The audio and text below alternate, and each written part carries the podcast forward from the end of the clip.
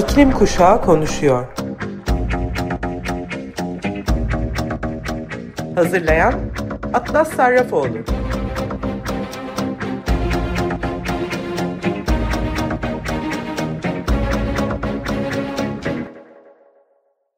Merhaba, İklim Kuşağı Konuşuyor programına hepiniz hoş geldiniz. Bu hafta ve gelecek hafta iklim aktivistleriyle yaptığım röportajların okunmasına bir ara veriyorum. Yarın Dünya Biyoçeşitlilik Günü. Bu sebepten dolayı bugünden sizlere biyoçeşitliliği ve biyoçeşitliğe en büyük zarar veren Türkiye'nin ithal ettiği plastik atıklarla ilgili konuşmak üzere Greenpeace Akdeniz'den biyoçeşitlilik projeler lideri Nihan Temiz Ateş'i davet ettim. Öncelikle sizlerle bu plastik atıklarla ilgili bir haber paylaşmak istiyorum. Adana ve çevresinde çöp yığınlarının içerisinde Hollanda peynir ambalajları, Alman bira kutuları, İngiltere'den çikolata paketleri ve birçok Avrupa markasının plastik atıkları bulundu. Peki bu atıkların binlerce kilometre uzakta bulunmasının sebebi ne olabilir? Çin'den atıklara getirilen yasığın ardından Malezya, Vietnam, Hindistan ve Türkiye Avrupa'nın yeni atık sahası olma görevini üstlendi. Türkiye'nin bu ülkeler arasında ilk sıraya yerleşmesi ise çok uzun sürmedi. Greenpeace Akdeniz'in açıklamalarına göre Avrupa Birliği'nden gelen plastik atıklar son 16 yılda 196 kat artış gösterdi. Son 70 senede yaklaşık 8.3 milyar ton yani kabaca 1 milyar fil veya 47 milyon ton mavi balinanın ağırlığı kadar plastik atık üretildi. Yalnızca %9'u geri dönüştürülen bu plastiklerin yaklaşık 400 milyon insanı ve 700 milyon deniz canlısını olumsuz yönde etkilediği söyleniyor. Sözün özü Türkiye gibi sıfır atık politikasının henüz oturmadığı, plastik çöpleri daha iyi ayrıştırılamadığı bir ülkeye gelen her plastik başlı başına bir çevresel tehdit oluşturuyor. Asıl enteresan olan da yeşil politikaları benimseyen Avrupa Birliği'nin çevresel zararları diğer ülkelere taşımaktan çekinmiyor olması. Şunu da Nihan Hanım'la sohbetimize başlamadan önce ekleyeyim. İki gün önce de polietilen atıkların ithalatının da yasaklandığını öğrendik. Bu kadar kötü haberin içinde sadece plastik karşıtı mücadele adına galiba bu iyi haber var. Hoş geldiniz demek istiyorum Nihan Hanım. Ee, ilk önce kendinizi tanıtırsanız sevinirim. Sonra size birkaç tane sorum olacak. Hoş bulduk. Ben Nihan Temizataş, Greenpeace Akdeniz Biyoçeşitlilik Projeleri lideriyim. İlk sorum size plastik atıklarla ilgili hı hı. konuşmadan önce sormak istiyorum. Biyoçeşitlilik nedir ve neden önemli anlatabilir misiniz? E, biyoçeşitlilik deyince gözümüzün önünde e, zannediyorum çoğunluğumuzun hep e, aynı imgelemler oluşuyor. Okyanusları, dağların en yüksek zirvelerini, burada yaşayan hayvanları e, düşünüyoruz. E, kısaca özetlemem gerekirse dünyamız okyanusların en derin noktasından dağların en yüksek zirvelerine kadar e, sayısız ekosistemde canlılara ev sahipliği yapıyor. Tüm bu canlıların oluşturduğu zincire de biyolojik çeşitlilik deniyor. E, ancak kısaca özetlemek istersem hani bu imgelemlerin gözümüzün önüne gelmesinden önce aslında kısaca biyoçeşitliğin bizim olduğu, biziz diyebilirim. E, çünkü kendi vücudumuz bile mikroorganizmalarla dolu. Kendi vücudumuzda 10 binden fazla bakteri türü yaşıyor. Toplam sayısı 100 trilyonu geçebiliyor. E, bizim var olma sebebimiz aslında bu biyoçeşitlilik ve onun sayesinde varız. E, kendi vücut ağırlığımızı düşünün. Yaklaşık bir buçuk kilogramını oluşturuyorlar. E, iklim koşullarına göre tabii ki biyoçeşitliliğin nasıl farklılaştığını biraz daha e, anlamlayıp, e, anlamlandırabiliriz. Mesela daha ılıman yerlerde çok daha fazla bir biyoçeşitlikten bahsedebiliriz. Kutuplarda, soğuk iklimlerde daha fakir bir biyoçeşitlikten bahsedebiliriz. Ee, ancak ya, kesin olan bir şey var ki çok önemli. Çünkü yaşamın devamlılığını sağlıyor. İçtiğimiz sudan e, soluduğumuz havaya, yediğimiz besine kadar her şeyi biyoçeşitliliğe bağlı olduğumuzu söyleyebiliriz. Yediğimiz e, her üç gıdadan biri böcekler ve arılar sayesinden bu kadar çeşitli olmasa e, onlara sahip olmayacağız. Gıdamızın güvenliği olmayacak. E, ya tüm bunların dışında tamamen yaşamımızın devamını düşünmeden e, hayatımızdaki sanatsal, teknolojik gelişmeleri de düşündüğümüzde aslında e, çeşitli hayvanlar ve biyoçeşitlilikten esinlenmeyi hem sanatta hem teknolojide e, resimlerde, beslenen şarkılarda bile görebiliriz. Hatta e, mesela teknolojik gelişmeler biyolojik unsurlardan izler taşıyor. Bunun için özel bir isim bile var ki hani biyomimikri olarak adlandırılıyor. E, kısaca biyoçeşitliliği böyle tanımlayabilirim. Çok güzel yani aslında doğa birbirine bir zincir gibi bağlı bir nesil tükendiği zaman emin olun o başka türleri de etkiliyor. Ve ikinci sorum olarak e, peki Türkiye'deki biyoçeşitlilik için ne söyleyebilirsiniz? İklim krizinin biyoçeşitlilik üzerindeki etkisi nedir ülkemizde? Ee, öncelikle Türkiye'deki biyoçeşitlilikten çok biyoçeşitliğin demin dediğin gibi bir zincir olduğunu ve dünyada başka bir yerdeki kelebek kanadı çırpışının burayı etkilediğini söylemek isterim. Tabii ki biyoçeşitliliğin zenginliğini tanımlamak, bölgelerde bunu ölçmek için farklı yöntemler var. Mesela belirli bir alanın içerisinde nasıl ve ne kadar tür ve birey e, sayısı yer alıyor, yaşıyor diye. Mesela Turna Nehri deltasında 312 farklı kuş türü yaşarken Sakarya Nehri deltasında 100 kuş türü yaşayabiliyor. E, orada yaşayan kuşlar da başka tarafları etkileyebiliyor. Ama e, tam anlamıyla hiçbir zaman biyoçeşitliliği e, bütün anlamıyla ne Türkiye'de ne dünyada, bütün dünya çapında anlayamıyoruz. Çünkü e, gezegenimizde yaşayan canlıların hala sayısını tam olarak belirleyebilmiş değiliz. E, mesela Greenpeace'in Okyanusları Koru kampanyası başladığında derin denizlerin e, Ay ve Mars'tan çok daha az keşfedildiğini ki buna aks, e, buna karşılık gelecek şekilde derin denizlerin aslında bütün e, habitatın %95'ini oluşturduğunu, e, sadece onda birinin, on binde birinin bilim insanları tarafından keşfedildiğini öğrendiğimde ben de çok şaşırmıştım. E, dolayısıyla keşfedilmeyi bekleyen binlerce canlı var ve bunlar bir şekilde bir zinciri oluşturuyorlar. E, ve şu anda mesela iklim krizi dediğimizde aslında biraz da okyanus krizinden bahsediyor olduğumuzu söyleyebilirim. Çünkü okyanustaki biyoçeşitlilik e, aldığımız her iki nefesten birini bize sağlıyor. Okyanustaki mangrovlar, e, deniz yosunları, bitkiler, mercan resifleri e, gerçekten e, yağmur ormanları hatta daha fazla kadar bize e, nefes sağlayabiliyor. Burada bir canlının, e, bir mercan resifi alanının, bir deniz e, okyanus koruma alanının yok olması demek aslında devasa bir tahribat demek. E, mesela bu yüzden de Türkiye'yi etkileyen de bir durum tabii ki söz konusu. Dediğim gibi zincirin e, halkaları şeklinde ilerliyor. Mesela e, Akdeniz, e, okyanusların, dünya okyanus alanının sadece yüzde birinden daha azını oluştursa da şaşırtıcı bir şekilde bütün e, bilinen deniz ürünlerinin yüzde sekizinden fazlası, sekizine kadarını oluşturabiliyor, bunu kapsıyor. Dolayısıyla e, herhangi iklim krizi ve okyanus krizinin Akdeniz'e etkisi, buradaki deniz canlılarına etkisi ve daha sonra bütün çeşitli etkisi aslında çok yüksek e, diye özetleyebilirim. Çok güzel. Ee, benim merak ettiğim bir konu az önce su bahsettiğiniz onu biraz açmanızı rica edeceğim. Ee, denizdeki hı hı. ve karadaki bir çeşitlilik farkı. Yani aslında hı hı. benim e, bildiğim kadarıyla mercan resifleri gerçekten orman, yağmur ormanları kadar e, oksijen e, üretiyorlar ve karbon depoluyorlar. Fakat e, hı hı. denizde denizdeki asitlenmeden dolayı maalesef hı hı. soluyorlar ve yok oluyorlar. E, Denizdeki asitler kadar aslında mesela derin deniz madenciliği de yapılıyor ve bu yüzden toplu bir şekilde mercanların e, önünde söz konusu olabiliyor ve bu hani e, kolayca yerine konan bir durum değil. E, böylece de küresel ısınmanın üzerinde aslında çok çok etkisi var ve hani geçti iler önümüzdeki yüzyılda deniz seviyelerinin çok yükselmesine ya karbon depolanmasının çok azalmasına neden oluyor. Çünkü e, gerçekten e, yeryüzünün üstü kadar altı da karbon depolamakta çok e, devasa bir etkiye sahip. E, o yüzden görmüyoruz çok uzağımızda. Biraz daha karayı düşünüyor olabiliriz ki bu gerçek. Ancak okyanusların e, bu mücadelede, iklim kriziyle mücadelesindeki etkisi aslında her saniye soluduğumuz e, iki nefesten biri olarak düşündüğümüzde biraz daha e, deniz koruma alanları, okyanus koruma alanlarını e, daha çok belki gündeme getirip tartışmamız gerekiyor. Akdeniz'e daha çok sahip çıkmamız gerekiyor. Evet, e, şimdi de gelelim asıl konumuz plastik atıklarına. Avrupa'nın plastik at, e, atıklarının döngüsel ekonomiye e, katkısı olsun diye biz e, alıyoruz ama e, neden Hı-hı. olması gerektiği bir kullanmıyoruz e, Türkiye'de. Hı-hı. Ve gerçekten neler oluyor? Bize baştan sona hepsini detaylıca anlatabilir misiniz? Tabii. Ee, önceki Ak Akdeniz'de bırakmışken oradan devralabilirim. Ee, şu anda Akdeniz'i en çok ikinci şekilde kirleten ülkelerden biri konumunda Türkiye.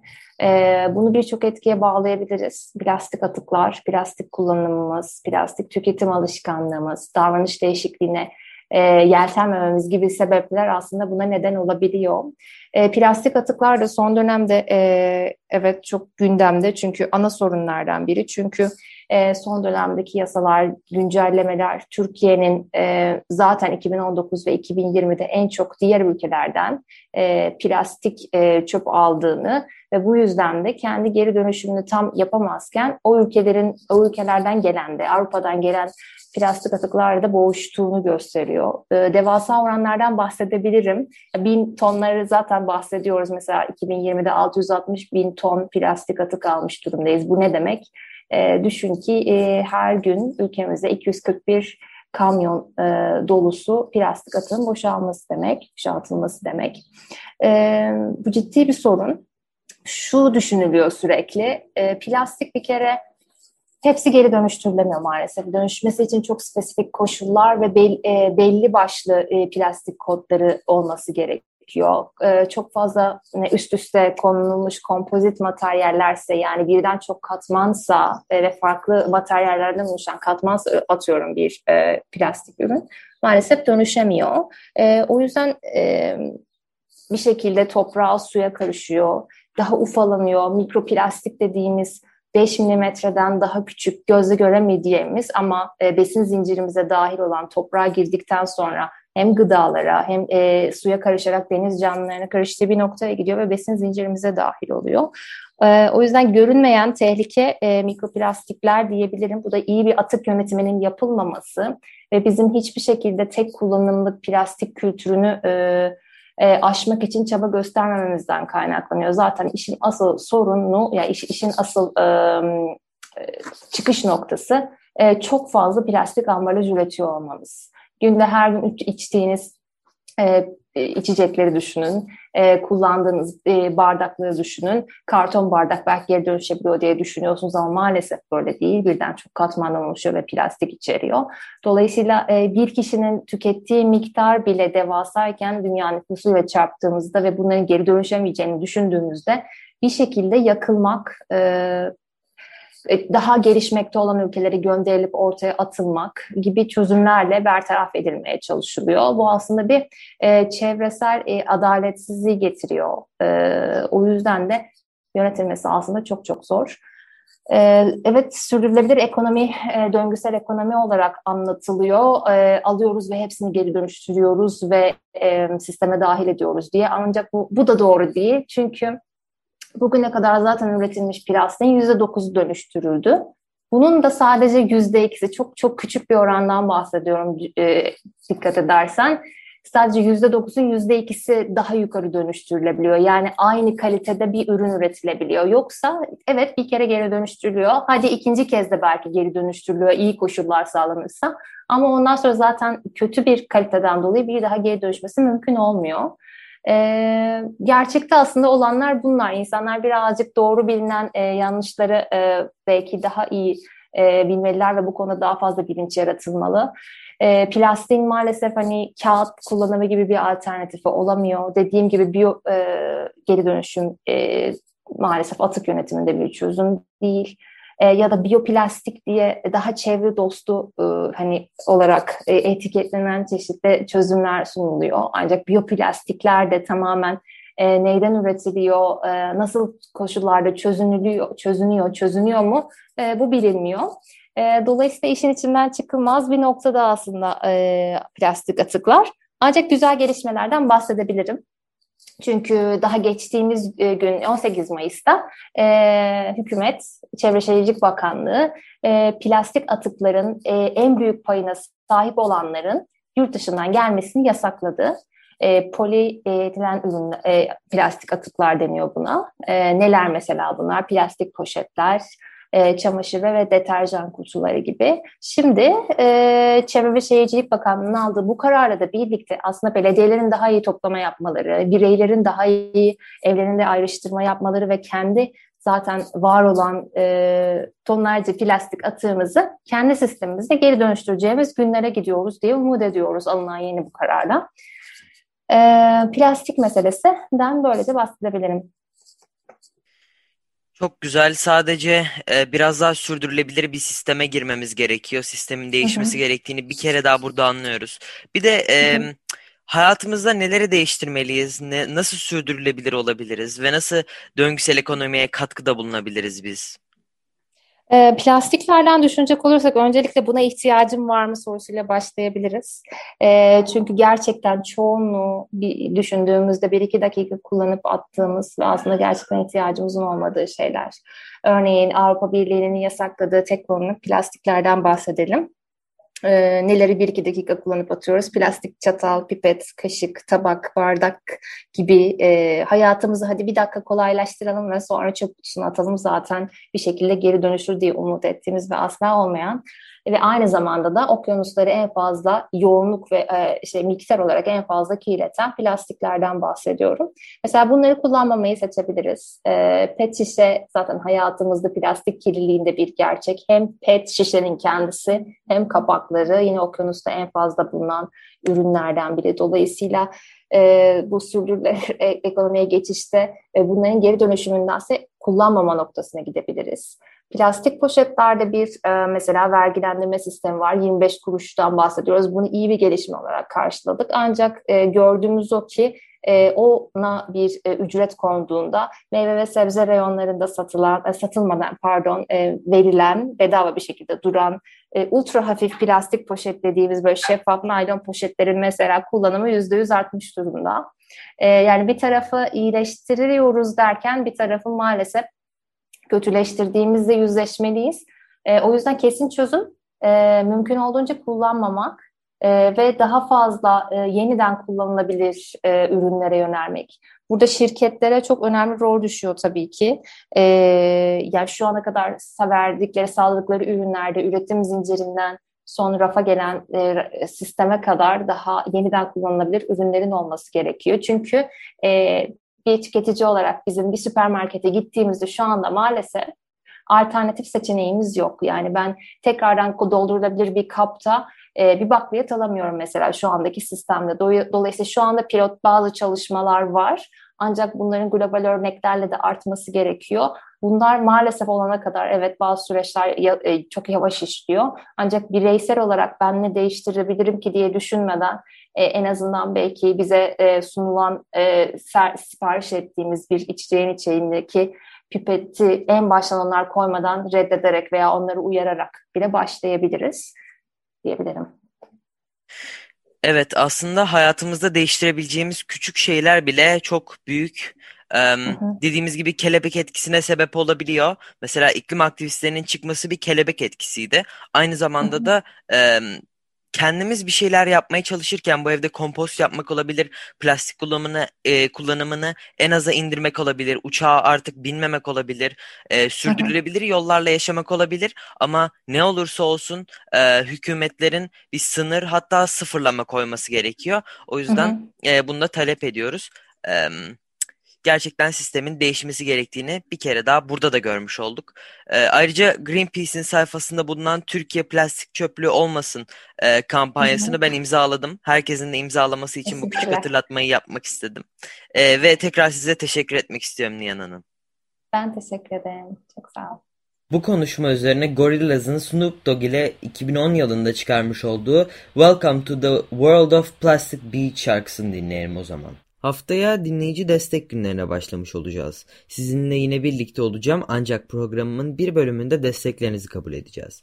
Yani biraz daha kısa olacak programım. Biliyorsunuz ki Açık Radyo tamamen dinleyici destekleriyle ayakta kalabiliyor. Biz dinlemeye ve desteklemeye devam edin. Gelecek cuma yine saat 14'te görüşmek üzere.